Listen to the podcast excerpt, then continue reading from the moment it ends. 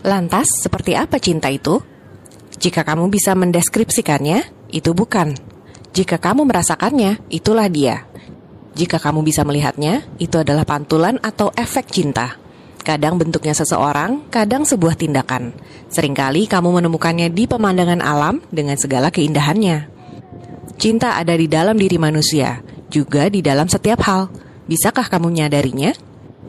Rumi bilang, tugasmu bukanlah mencari cinta, tetapi mencari dan menemukan semua halangan di dalam dirimu yang telah kamu bangun melawan cinta. Cinta bisa ditemukan di mana keinginan lenyap.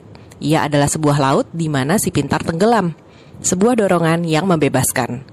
Cinta bukan tentang keamanan. Cinta adalah kondisi di mana tidak ada keinginan untuk aman, sebuah kondisi rentan.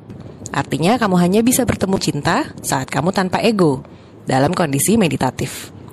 Yuk, sadar yuk!